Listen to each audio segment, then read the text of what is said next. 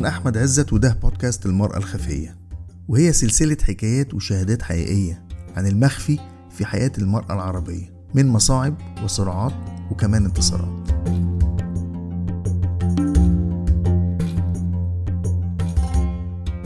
أنا عندي لحظات تشاؤم. بلاش تسألني أنا بالذات السؤال ده.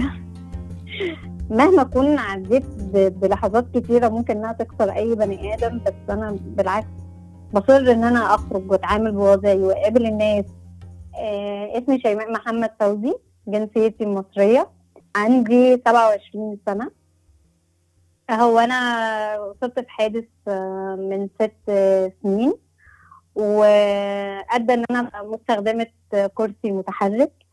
آه، من وقتها وأنا أقلمت نفسي على وضعي وأهلت نفسي إن أنا أتعايش وأتعامل طبيعي جدا.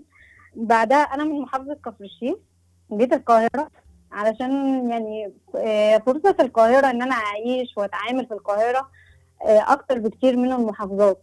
آه، مع إن المكان مش مؤهل بصورة كاملة بس على الأقل إن هو بيدي إتاحات في حاجات كتير زي مولات مثلا أعرف أخرج فيها. مكان شغلي الحمد لله يعني كان مؤهل تماما ليا.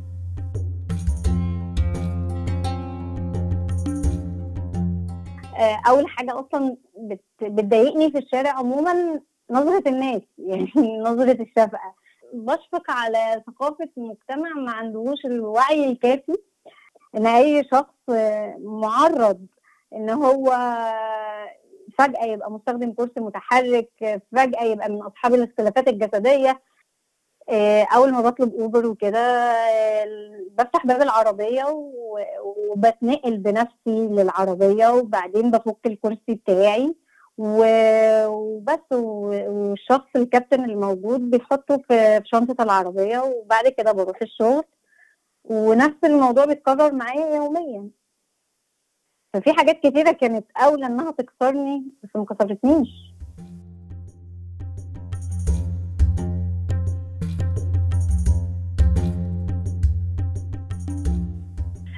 رشا إرنست. أنا مصرية وأساسا من صعيد مصر من محافظة أسيوط. آه، مقيمة بالقاهرة بشتغل فيها من خمس سنوات.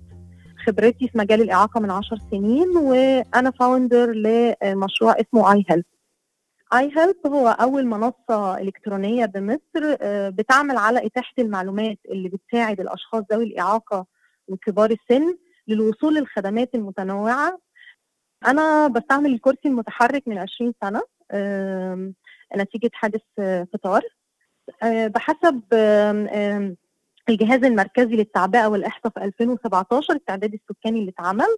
آه، النسبة للأشخاص اللي بيعانوا من إعاقات بسيطة إلى شديدة هم 10 و67 من 100% يعني تقريبا إحنا 100 مليون فتقريبا أكثر من 10 مليون شخص يعاني من إعاقة بشكل أو بآخر.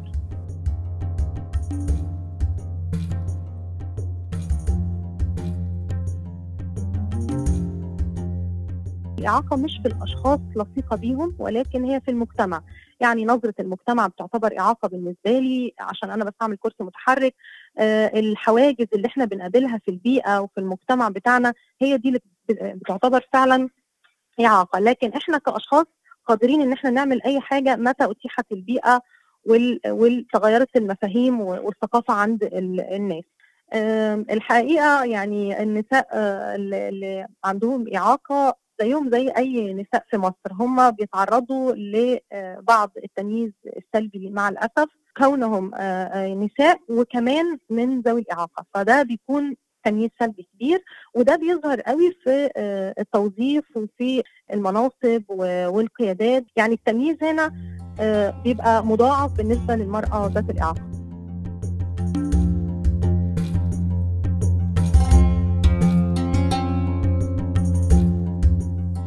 الحلقة دي بدعم من مكتب هيئة الأمم المتحدة للمرأة للدول العربية. عشان تتابعوا معنا الحلقات بندعوكم تعملوا subscribe لينا على iTunes أو Apple Podcast. دوروا على هاشتاج الخفية بالعربي وهتوصلكم الحلقة مجانا على الموبايل أو الكمبيوتر أول ما نرفعها.